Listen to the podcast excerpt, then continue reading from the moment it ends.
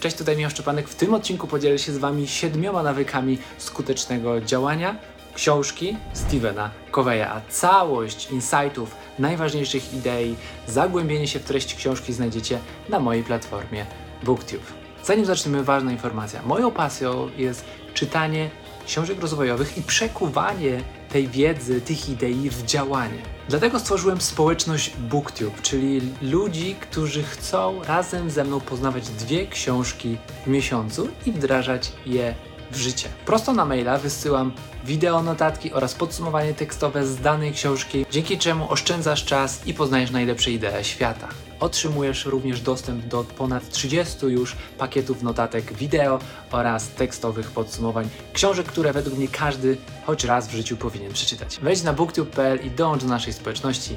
Link pod tym filmem. Tymczasem przejdźmy do odcinka. Jest to absolutna podstawa dla wszystkich, którzy są zainteresowani rozwojem osobistym. Nie jest to jednak książka na jeden wieczór, gdyż jest dość gruba i jest pisana nie najprostszym językiem. Książka mówi o siedmiu nawykach skutecznego działania, ale nie są to jakieś nawyki typu na przykład wstań wcześniej rano i wypij szklankę wody. Są to głębsze rozkminy, które dotykają naszego wnętrza.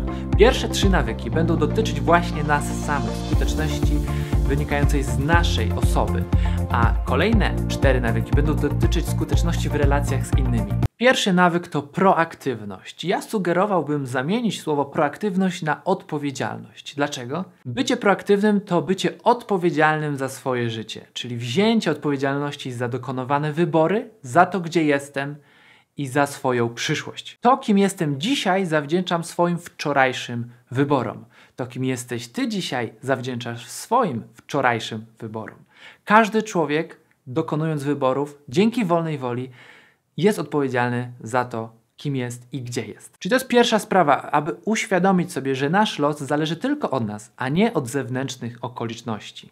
Bycie proaktywnym, czyli bycie odpowiedzialnym. Mając wolną wolę, jesteśmy odpowiedzialni za to, jakie wybory podejmiemy. Człowiek odpowiedzialny to człowiek, który nie szuka wymówek, nie szuka usprawiedliwień, po prostu działa, bierze sprawy w swoje ręce. To, jakie podejmiesz dzisiaj wybory, wpłynie na to, kim będziesz jutro i gdzie będziesz jutro. Po drugie, osoba proaktywna zajmuje się tylko tymi rzeczami, na które ma wpływ i ignoruje wszystkie inne, na które wpływu nie ma. Może Cię oczywiście interesować wiele rzeczy, ale niekoniecznie masz na to wpływ. Możesz interesować się sytuacją geopolityczną, ale nie masz wpływu w 100% na tę sytuację. Praktycznie mamy jako jednostki niewielki wpływ na to, co się dzieje na świecie.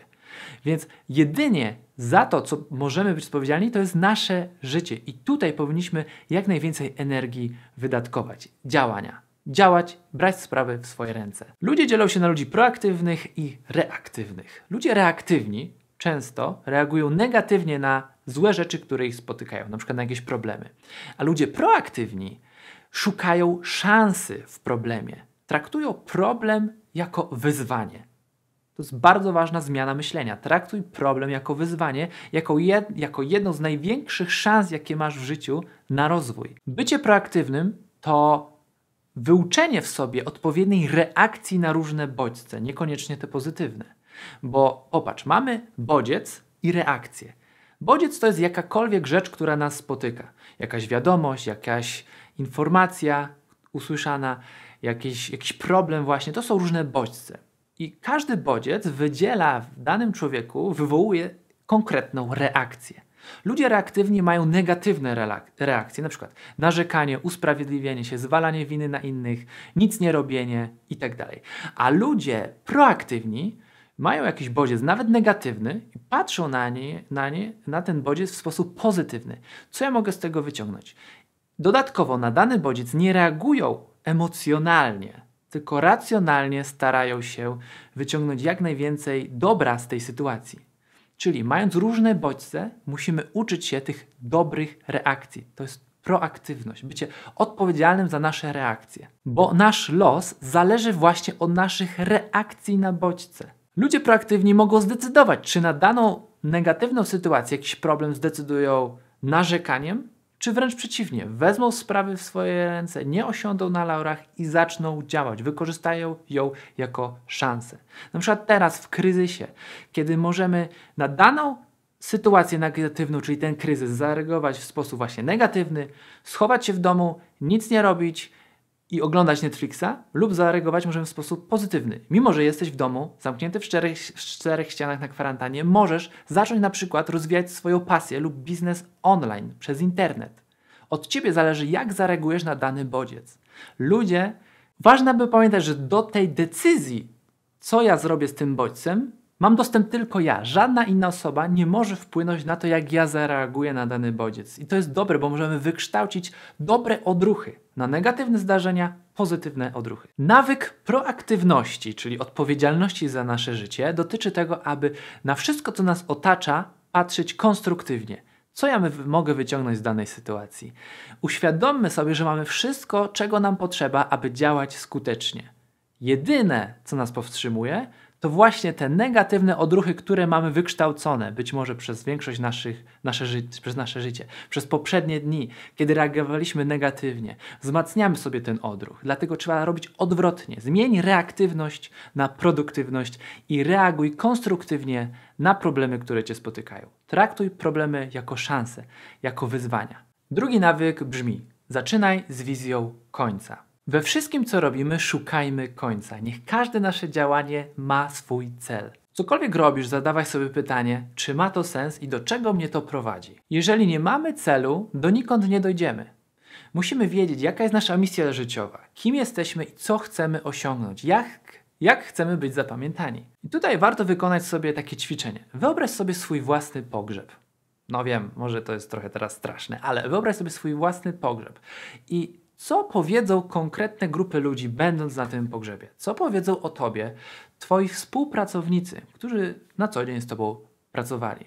Co powiedzą o tobie twoi znajomi? Co powiedzą o tobie twoi przyjaciele? I wreszcie, co powie o tobie twoja rodzina? Oczywiście, chcesz, żeby powiedziała o tobie jak najlepsze rzeczy. Dlatego, patrząc z wizją końca, możemy ukierunkować w ten sposób nasze życie na to, co jest najważniejsze w życiu, na to, na czym nam zależy na tych priorytetach, które sprawią, że na naszym pogrzebie ludzie będą mówić o nas w taki sposób, jakbyśmy chcieli. Inne ćwiczenie dotyczy wyobrażenia sobie swojego wpisu na Wikipedii. Nie wpisu, który my wykonamy, ale ktoś wykona o nas. Co byśmy chcieli tam znaleźć? Co chcemy, aby przyszłe pokolenia o nas przeczytały? Oczywiście nie wszyscy od razu znajdują swoją wizję końca, swoją misję życiową. Warto poświęcić czas na jej znalezienie. Ważne, aby nie przestawać tego sensu swojego życia szukać. Warto sobie zadawać te podstawowe pytania, na przykład do czego prowadzi mnie moje obecne życie? Czy przez obecny styl życia przybliżam się do swoich marzeń, do swojej idealnej wizji przyszłości? Wykonaj jedno z tych dwóch ćwiczeń, a zobaczysz, że od razu ukierunkujesz priorytety rzeczy, którymi się na co dzień zajmujesz. Trzeci nawyk. Rób najpierw to, co najważniejsze. W tym nawyku chodzi o to, aby dobrze zarządzać swoim czasem, ustalać priorytety i to, co powinieneś robić w pierwszej kolejności. Jeżeli ktoś mówi, że nie mam na to czasu, to nie chodzi o to, że nie ma czasu, po prostu źle tym czasem zarządza. Dzisiaj mamy tak naprawdę zbyt wiele czasu i nie potrafimy nim zarządzać. Ludzie w obecnych czasach, w demokratycznym kraju, nie potrafią dobrze zarządzać sobą w czasie. Dlaczego? Mamy tak dużo opcji i możliwości do wyboru, że bez umiejętności priorytetyzowania możemy się w tym wszystkim pogubić i zostać przytłoczeni zadaniami i tym, co nie jest istotne. Dlatego najpierw zajmij się tym, co najważniejsze. Jak to zrobić? Pewien profesor powiedział swoim uczniom taką anegdotę. Wyobraźcie sobie słoik. W słoiku macie różne kamienie. Można je ułożyć w różnej kolejności. Są mniejsze, większe. Jest też taki kamyczek malutki oraz trochę piasku. No i jak zrobić, żeby w tym, tym w jednym słoiku litrowym zmieściło się jak najwięcej kamieni?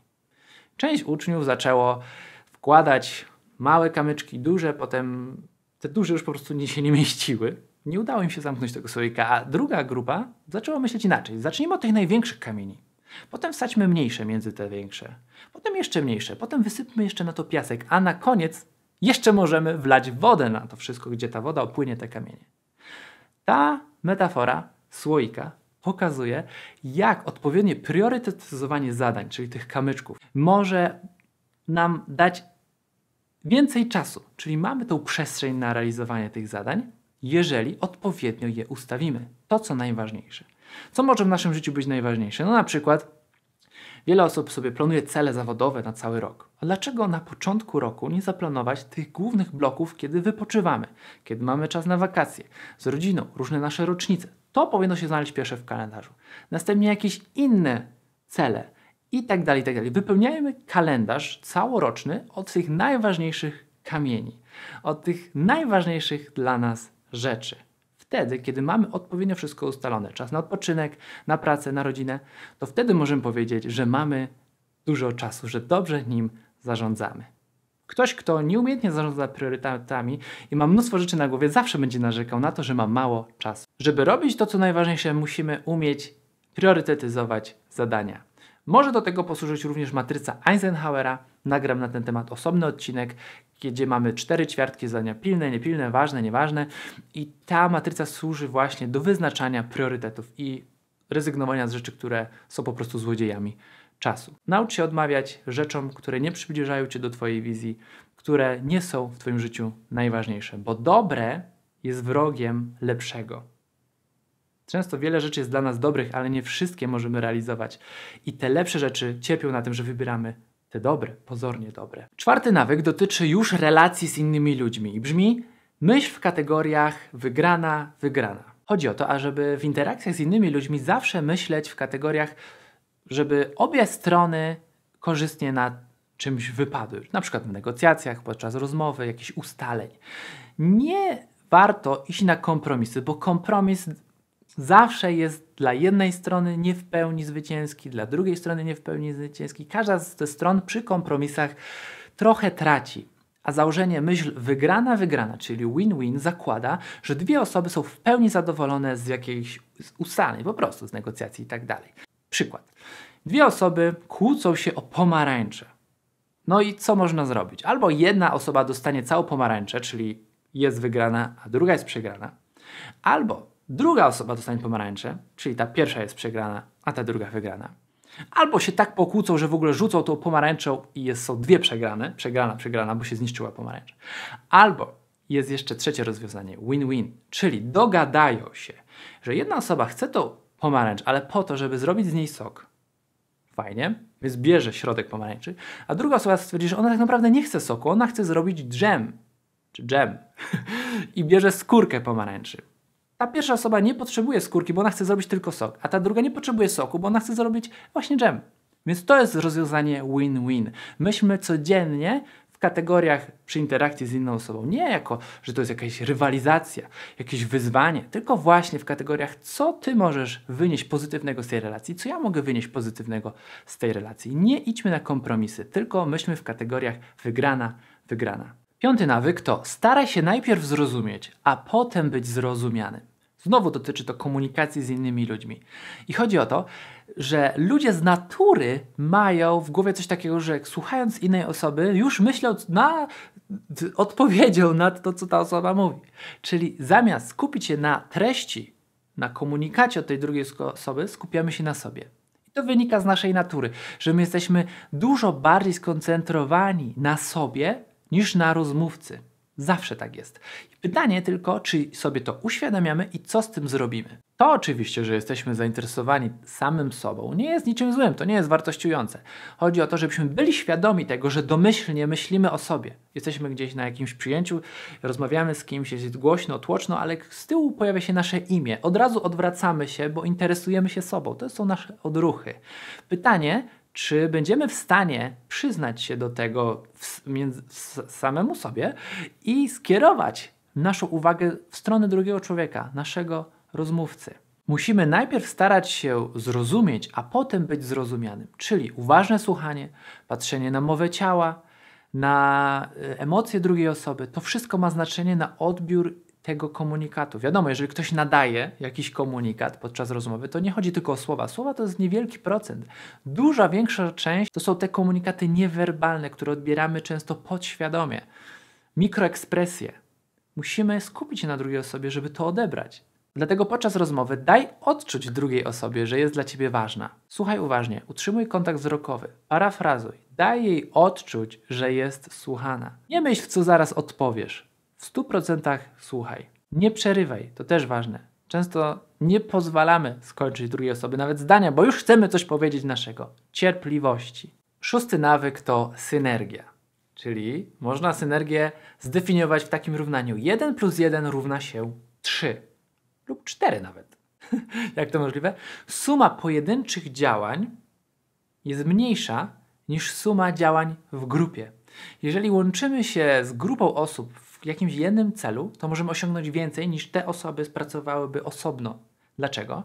Bo kiedy łączymy różne doświadczenia, kiedy łączymy różne podejścia do tematu, sposoby myślenia, to możemy wpaść na dużo lepszy pomysł, na coś, co jest unikatowe. Każdy działając osobna, może masz właśnie takie doświadczenie, czasem pracy w grupie, pracy, pracy w zespole, każda osoba może wnieść coś indywidualnego. Ale gdyby rozdzielić te osoby na, właśnie rozdzielić w innych pokojach w ogóle ustawić i pracowałyby nad jednym rozwiązaniem, to te rozwiązania nie byłyby tak spektakularne, gdyby te osoby siadły w, na przykład właśnie w jednym pomieszczeniu i pracowały kreatywnie nad danym rozwiązaniem.